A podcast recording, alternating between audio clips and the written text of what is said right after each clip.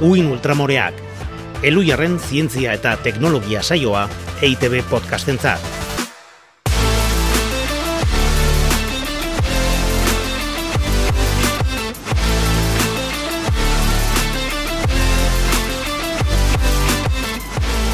Kaixo, alaitzotxoa deri begirre. Kaixo, anagalarraga aiestaran. Eta kaixo entzuleo. Bueno, alaitz, zer modu zatoz gaur?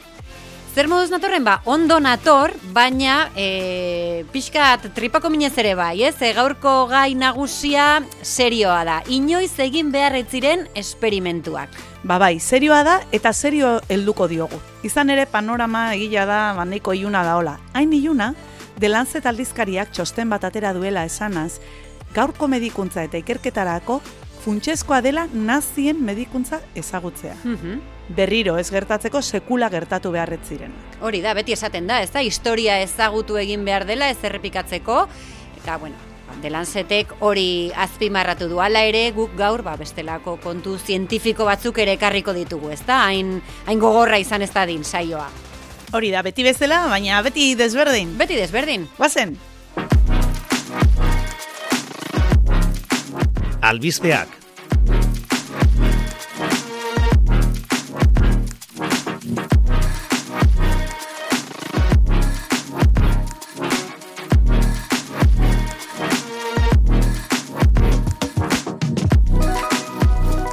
intsektiziden eraginpean dauden gizonek espermatozoideen konzentrazio txikiagoa dutela ohartarazi dute. Ara, Ba bai. horire bai. Horire bai. Ba bai, eta ondori hori ez dute atela, hola, ikerketa bat eginda ez ez. Berrogeita hamar urtetan mundu osoan gaiari buruz egin diren hogeita bost ikerketa berrikusi dituzte eta hortik atera dute ondorioa. Eta gainera oso garrantzitsua da, ze iaz atera zuten beste bat erakusten zuela azken berrogeita hamar urtetan espermatozoideen konzentrazioa erdira jetxi dela. Baina ez ekiten zergatik, hor utzi zuten, osea, serietan bezala, ez da? Bai, Jak bai, kaldera cliffhanger. Eta orain ikusi dute espe, e, espermatozoidek, ez, noski, intsektizidek daukatela errua. Hori da, uste zuten ingurumenaren degradazioarekin eta daukagun bizimodu estresatzaile honekin zerikusia izango zuela, eta beintza faktore bat topatu dute. Bai, estatu dute, ba, bi intsektizida mota ezagunenak eta gehien erabiltzen direnak aztertuta, eta hoiek ba, baratzetan eta frutarboletan eta horrela erabiltzen dira batez ere. Bai, eta azkenean jan egiten ditugu, ez da? Hoixe, eta horrela ikusi dute, ba, gehien jaten dituztenak, edo, bueno, azkenean ingurunean gehien dituzten gizonezko hoietan, ba, kontzentrazioa espermatozoideena jetxi egiten dela, nabarmen, eta horren noski ugalkortasunarekin zerikusia dauka. Orduan, beste behin ere, esan dute, ba, kaleratu aurretik horrelako produktuak eta ikerketa zorrotzagoak Ja. egin behar direla, ondorioak jakiteko, eta, bueno, zerbait, neurriren bat hartu beharko dela mendik aurrera ere. Beharko. Zer egin izango te dute intsektizida hoiek beak, emakumeon gorputzetan, nunca lo sabremos. Momentuz ez behintzat ez dute hori begiratu. Tira, bueno, kasualitatea, Bai, de behin. beste behin. E, bueno, Ana, guztiz lurra ondatzen dugunean martera joan beharko dugunez, jakin ezazu... Elon Muskek eramango gaitu, ez da? Bueno, ez dakit gu, justu gu, ez dakit eramango gaituen. Baina tira, txinako ikertzaile batzuek oksigenoa sortzeko sistema bat lortu dute, marteko materialak erabilita. Sistema horrek ura deskomposatzen du, e, ba, hidrogenoa eta oksigenoa banatzen ditu, eta deskomposizio hori egiteko ba, katalizatzaile bat erabili behar da. Eta naita ez noski, ba, marten eskuragarri dagoen material bat izan behar da, katalizatzaile hori, bestela... Hemendik eraman berbalin badeu. Ba, alperrik, alperrik. Laborategian bazituzten e, ikertzaile hauek martetik etorritako meteoritoak, baina meteoritotako elementuetatik katalizatzaile ona zein izan zitekeen probatzeko modu tradizionalean eginezkero 2000 urte beharko lituzkete. Bueno, bueno. Eta orduan egin dutena da, adimen artifiziala erabili, eta horrela lortu dute jakitea zein den katalizatzaile egokia. Beraz, egunen batean martera joan behar badugu, Elon Muskek erabilita, e, e, eramanda edo beste garraio bat erabilita, gure kasuan, e, prest izango dugu oksigenoa sortzeko sistema. Zein A ber, ditzen? alaitz, baina hori ze, aldizkari zientifiko batek argitaratu du edo? Anoski, ze ustezu ba, nik ekartzen ditutela hemen e, zeako gauzak, zientifikoki akuratuak beti bezala, Nature Synthesis aldizkarian argitaratu ba. dute. Bueno, bueno, ba, nik beste bide batzutatik jakindakoa kontatu nahi ditut, beraz, guazen, guazen aurrera. Egunero ikasten da zerbait.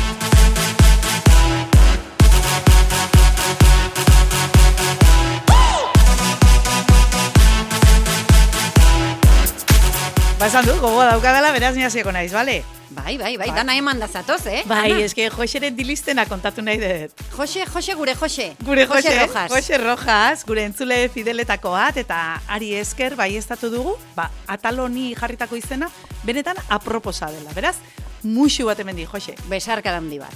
Hoixe. Eta zergatik esaten dut hori? Ba, entzun zuelako, akordatzen zuk zeu kontatu zenun.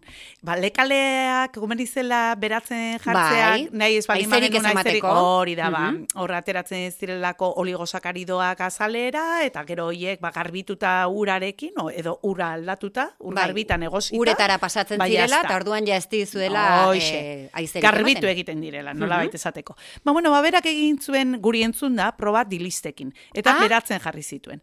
Eta hasiera batean egia esan, ba, pixkat asaldatu eta zapuztu ere egin zen, ze ur guztiaz xurgatu zuten dilistek eta orduan esaten zuen. Eta, eta orduan hortxe daude oligosakarido guztiak. Eta esan nion, aizu, guri erreklamaziorik ez. Baina, garbitu itzazu, uretatik pasa, eta horrela, Noski. ba, jungo zaie, aizea sortzen duten oligosakarido horiek, eta gero egosi. Orduan, hasiera batean, larritu egin zen, eta idatzi egin zizun, esateko, Bai, bai, bai, bai, bai, pasatzen bai, zen dilista bai. hoiekin. Bai, bai, bai. Ah, behitu.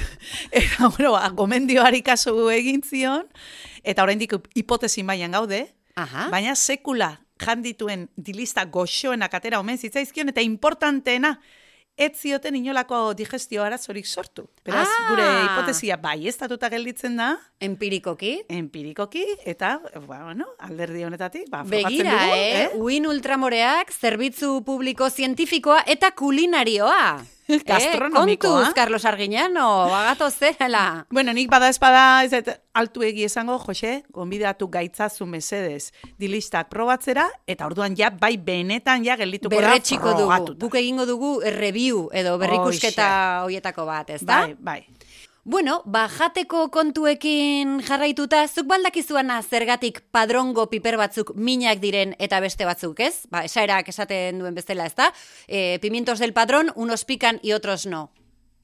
Eta zergatik bazu kontatuko diazu, ez, alaitz? Bai, noskin kontatuko dizut, horretara etorri naiz gaur. Azteko, hau jakingo duzu, kapsaizina da, ahoa eta estarria erretzen digun sustantzia. Nik enekien, baino, seguruzuk baiet. Zergatik piper mota batzuek badute kapsaizina eta besteek ez? Ba, pi, ba, piper mota batzuek gene jakin bat dutelako, e, sustantzia hori sortzen duena, eta beste batzuek ez. Horraino, argi ez da? Mota Bai. batzuek badaukate gene hori, eta beste batzuk ez. Baina zergatik piper klase bereko ale batzuk erretzen dute, eta besteek ez. Edo batzuek besteek baino gehiago, zerk eragiten du hor? Ah, ba, batez ere, adinak eta estresak, maja, gu bezala, zenbat eta zarrago, orduan da egoskorrago eta erretxinago. Edo euskara jatorrean esaten den bezala, pipertuago. Buala. Bai, bueno, hortik etorriko da, ez da? Pipertuta nago, bai, Bai, bai, bai, zahartuta eta estresatuta eta horregatik nago pipertuta. E, erre egiten dut nire inguruko jendea. Eta piperrak berdin orduan, zartzen direnean, ez? Bai, eta horregatik temporada bukatzean gehiago erretzen dute, zahartuta daudelako, eta ezpadituzu garaiz jasotzen, ere bai, eta estresan ere, estresarekin ere, berdin, landarea estresak jota baldin badago, adibidez, ur gutxiegi, edo eguzki gehiegi, edo infekzio bat daukalako, ba, kapsaizina gehiago sortzen du. Eskerrik asko alaitz, ikusten zerbitzu publikoa. Ba, udan berriro hasitakoan piperra jaten eztabaida sortzen baldin bada horren inguruan, ja, jakingo dute erantzuten, ikusten dezu ze ondo. Noski, La ere, segurasko neri tokatzen zaidala piperri minena, eta bestela, bilatuko dut, hor batzuk zuri minena gustatzen Bai, zaizu, bueno, ba, orduan bilatu itzazu, zarrak eta estresatuak. Hori da. Jo, sartzia, behitu, e, danak aia txirik ordatzen, eh? A ber, Ba, txinpantze eme jakin dute menopausia izaten dutela. Eta hori, ba, harrigarria da, ze badakizu.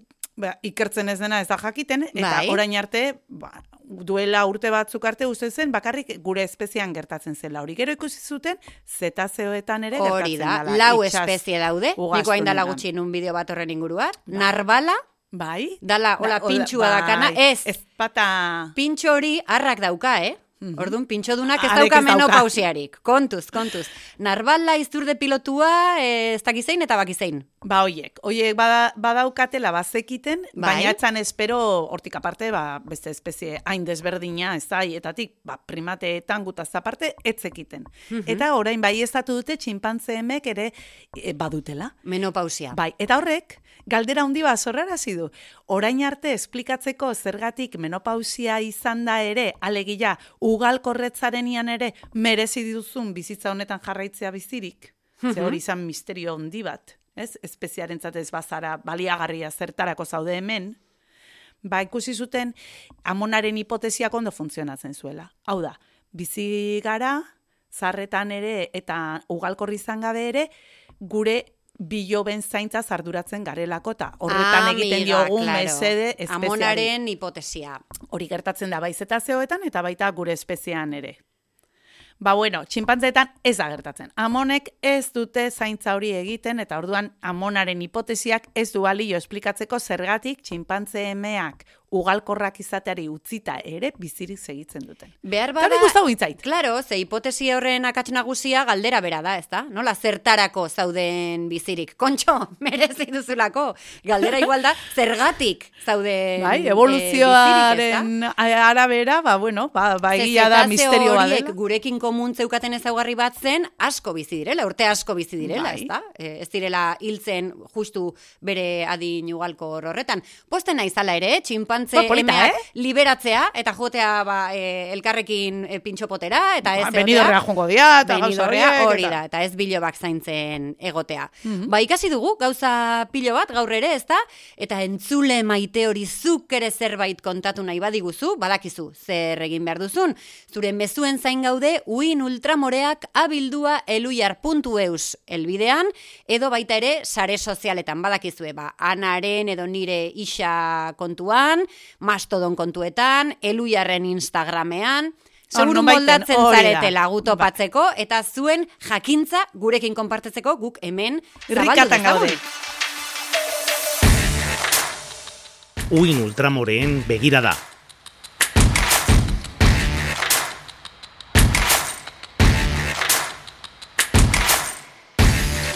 Ba bueno, esan bezala, delantze eta aldizkari medikoaren txosten batek eman digu, gaurko abia puntua, izan ere, egileek uste dute gaur egungo praktika eta ikerketa medikoa egokiak eta zuzenak izan daitezen, ezinbestekoa dela nazismoaren izugarrikeria medikoak eta holokaustoa ezagutaraztea formazio medikoan. Hori da, eta gogorarazi dute orduko basakeriak ez zirela bazterreko zerbait, alderantziz, ofizialak ziren eta zientziaren bermea zuten.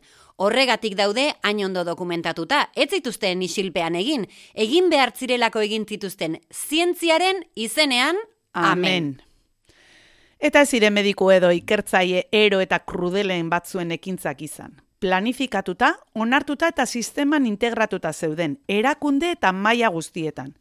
Txostenean diotenez, edozein pertsonak berdin jokatuko luke egoera hartan eta presioaren pean. Horregatik, esan dute gaur egunerako oso baliotsua dela handik irakaspenak ateratzea, gehiegikeriak identifikatzeko eta prebenitzeko, eta zalantza etikoak sortzen direnean, ba ondo jokatzeko tresnak edukitzeko. Izan ere gaur egun ere oraindik ohiko egiak dira jokabide okerrak, ba adibidez etnia, adina, egoera legala, klasea, egoera fisikoa edo sexu joera edo identitatea aitzakiatzat hartuta. Horren adibideak izango litzateke esaterako violentzia obstetrikoa, gurasokeria edo arrazakeria. Hori da, eta hogei garren mendearen lehen amarkadetan, ba, esperimentu horiek egiteko aitzakia edo arrazoia, koma artean jarriko dut arrazoia, motiboa, arrazaren garbitasuna zen. Eugenesia izenez ere ezagutzen da, eta helburua zen akatsik gabeko pertsona osatutako gizarte bat lortzea. Hortaz, akatsekin, eta berriro koma jarriko ditut, akats e, oie zitz egiteko, ez da? Akatsekin jaio direnak ezabatu egin behar ziren. Ideologia horren ikur eta protagonista bilakatu zen Joseph Mengele nazia. Eta Auschwitzeko konzentrazio esparruan egin zituen bere esperimentu genetikoak. Iristan bertan pertsonak zailkatu egiten zituen, eta batzuk zuzenean eramanarazten zituen gaz ganberara. Beste batzuk ordea, berezik interesatzen zitzaizkion, haiengandik lor zezaken informazio ustez zientifikoagatik. Aur jaio berriak adibidez, aurdunak, trisomia zuten pertsonak, bikiak, era guztietako probak egiten zituen haiekin. Amputatu, begiak kolore aldatzen saiatu, ba, substantzia desberdinen tantak botata, ziamesak lortzen ere saiatu zen, antzutzeko metodoak probatu zituen hoiedanak zientifikoki, eh? Bai, bai, ikaragarria da, ikaragarria da, eh? Zenbat, zenbat gauza egin diren, erain egun, ez da? Bai. E, gainera, mengeletzen salbu espen bat izan, ez da, Hori da kontua. Eta Alemania nazia ere ez da alakoak babestu eta bultzatu zituen garai eta herrialde bakarra. Espainiako frankismoan adibidez, arrazagarbiaren ideologiak bultzatuta, praktika onartezinak egin ziren erregimenaren kontrakoak desagerrarazteko edo makurrarazteko. Horren barruan, ba, erligio katolikoak ere pixu handia izan zuen hemen. Eta pekataritza jotzen zituztenen kontra, era guztietako armak erabili zituzten. Antzutzeak eta tratamendu psikiatrikoak barne. Eta zeintzuk ziren pazienteak edo hobeto esan da biktimak, ba, homosexualak, travestiak, prostitutak, ama ezkongabeak, gorriak, ateoak. Gaixo zeuden, noski, hori garbi da, oh, haientzat, ez, haien ikuspegitik. Eta hori gertatu da, ba, lurralde guztietan eta garai guztietan gutxiago kotzat edo maila basuago kotzat jotako pertsonekin. Zientzia medikoarentzat akuri edo laborategiko animalia bihurtu izan direla. Haiekin probatu dira era guztietako tratamentuan askotan aurrez gaixotasuna naita eraginda. Eta horren adibide esanguratsua da, estatu batuetan egin zuten taskigi esperimentua. Mila bederatzireun da hogeita amabian abiatu zuten. Langile beltzekin ikusteko zer gertatzen zen zifiliza gaixotasuna zutenekin, Mhm. ba, eriotzaraino. Bilakaera hori ikusteko. Eta hiltzen uzten zieten. Ikaragarria. Ba hori berrogei urte geroago jakin zen, kazetari esker, nola jarraitu zuten esperimentu hori egiten, baita ja ordurako bazekitenean penizilina tratamendu egokia zela Bai. eta penizilina eskura eukita ere.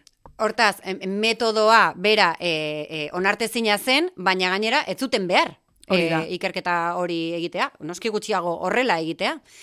E, gainera, ordurako existitzen zen Nurembergeko kodea. Kode hori nazismoaren ondotik sortu zen, proba klinikoetan egin daitekeenaren eta ezin denaren arteko mugak zehazteko, eta handik aurrera sortu ziren kodi etikoen oinarria izan zen. Baina egia esan, e, podcast baten denboraldi oso bat egin daiteke kode etiko guztiak gainditu dituzten giza esperimentuekin, ez da, na? Nei orentxe burura etorri zait, e, konbertsioterapia deitzen diote? Bai, Homosexualei egiten zaien e, sasi terapia delako bat, bai, bai. E, ba, Zientziaren izenean hori ere. Zientzia- Bai, bai, bai. Homosexualitatea izan ere, duela oso oso gutxira arte e, gaixotasun mental bat konsideratu izan da. Hortaz, oraindik ere egiten ari dira horrelako gauzak, lehen aipatu dugun, ba, gurasokeri eta, bueno, homofobia, razismotik abiatuta, ez da? E, ba, esan bezala, temporada oso baterako ematen diguala ere, beste gai pila bat ere baditugunez, hemen utziko dugu, baina bukatu aurretek ezin dugu aipatu gabe utzi, inoiz egin beharretzen beste esperimentu mota bat. Zein da? Proba nuklearrak, ez da? Proba Bai, nuklearrak. Bai.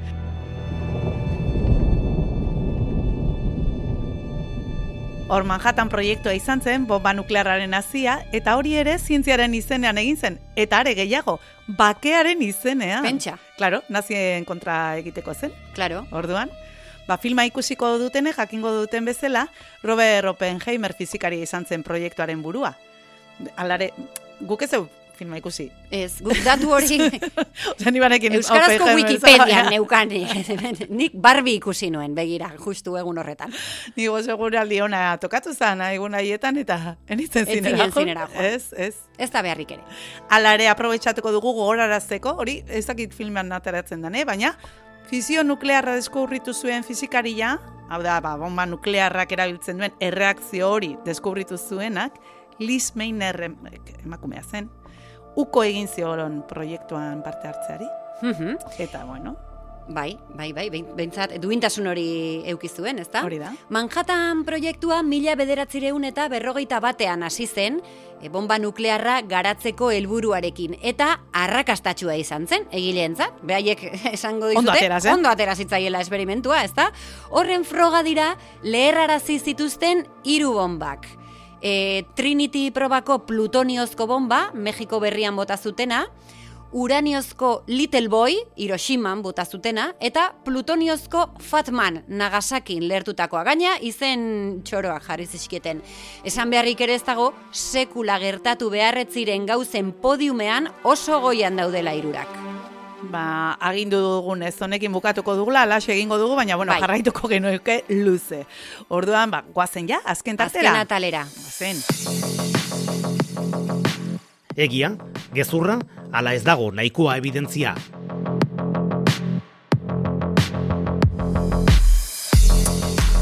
Ea ba, Ana, aber ze prestatu diazun gaur.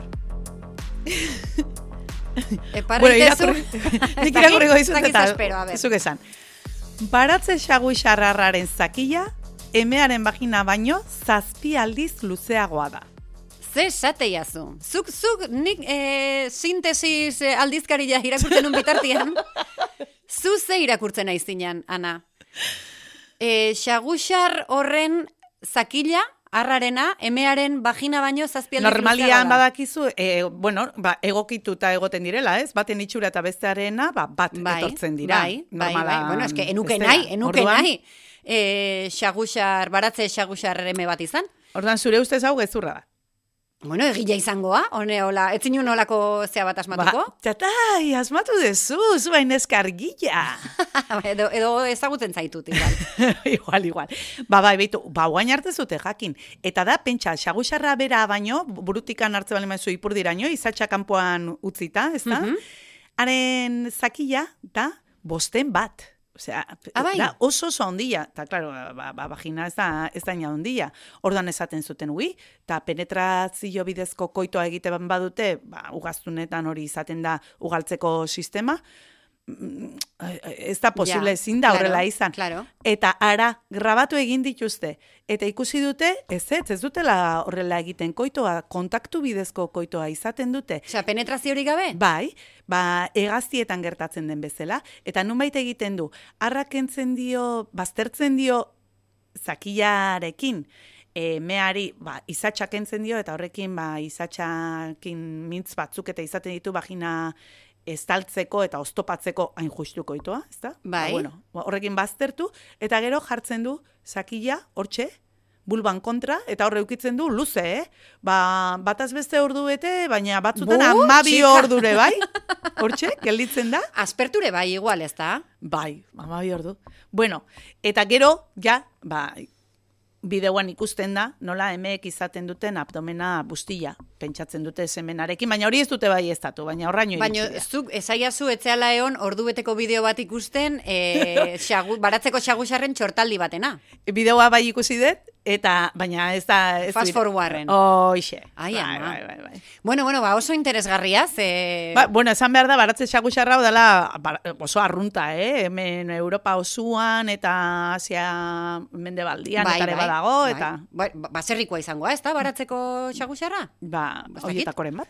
Bueno, e, begiratuko dugu urrengo atalerako. E, ea hau ze iruditzen zaizun, jaio berriek, helduok baino ia eun ezur gehiago dituzte. Neska, batzu gehiago, ai, hor buruan badituzte gehiago, ez? Gero, e, Bai, fontanela egiten itxi dena, arte, hoxe, hori da. hori dano dakigu, baina eun gehiago. Bueno, hori danok dakigu, danok, ume bat euki badugu eta ikusi baldin badugu burua piezaka datorrela, ez da? Bai. Ikeako mueble bat bezala. Hori da. Zer da hori, ez da? Ba, eskerrak, horre laguntzen die, ateratzen burua hor Bai, bai, baino behin kanpuan impresionatu egiten dut, aseguru nago, entzuleak Bai. ados egon goiala nirekin, impresionatu indela gaina taupada egiten Hola, dute. bai, hori da. Bueno, zuk esaten dezu gezurra dala, eta nik esateizut egia dala.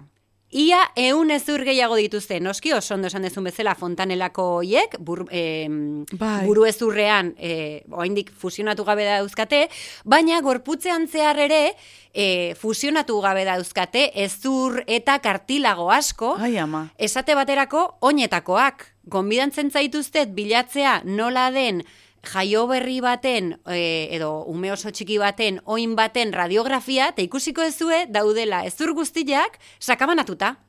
Ikusten, Ikuste, ikuste Txerriankak bezala, oina, hola. potolo-potoluak eta Bai. roskilakin, ba ezurrak daude hor, txat, txat, txat, danak horregatik sakabanatuta. emate hue jateko gogua. Bai, bai, jateko gogoa ematen dute, eta e, da hori beste arrazoi bat, ez jartzeko e, aur txikiei zapata gogorrak. Ja, zertako, ezin dute ez dituzte behar, bai, ez ez dituzte behar, eta gainera, e, haien garapena ez horiek nola elkartuko diren eta baldintzatzen naizea. Ez da kasankik ez bururik, egia zut.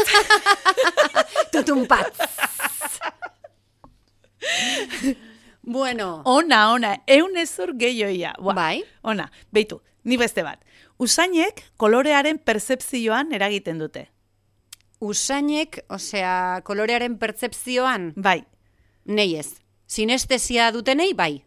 Bueno, bai, igual dano daukagu sinestesia puntu bat, ze hau frogatu dute horrela dala. Ah, eta, bai? bai, eta adibidez, ba, menta usaia jarri ezkero, ba, kolorea, a, be- desberdina ikusten da, ba, platano usaina Ah, bai, jarrita eh? baino, bai, eta hori egin dute esperimentoa, ba, grisarekin konparatuz, eta ze koloretakoa ikusten dezun, eta usainak aldatuta, eta hor ikusi dute, bai, ez eragina daukala.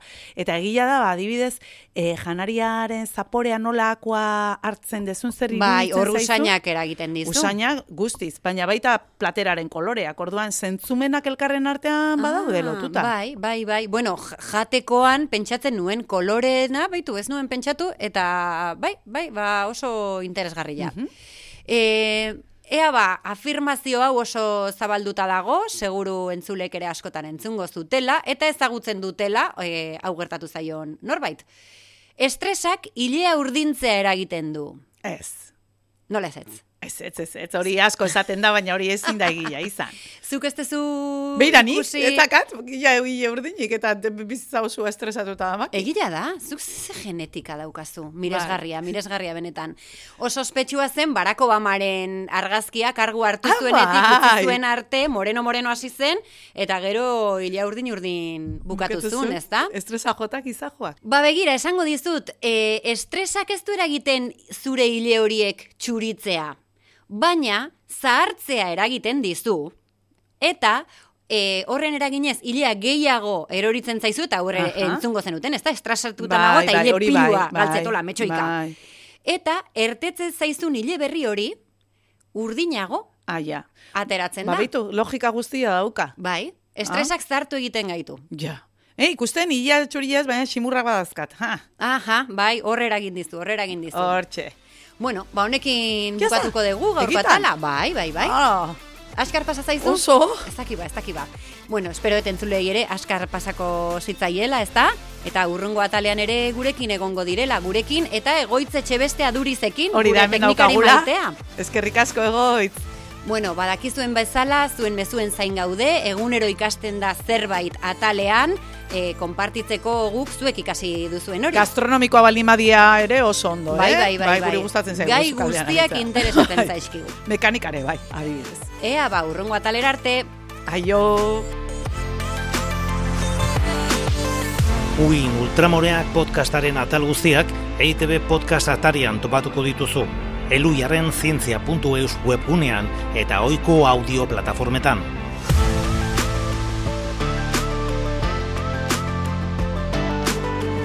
Uin Ultramoreak.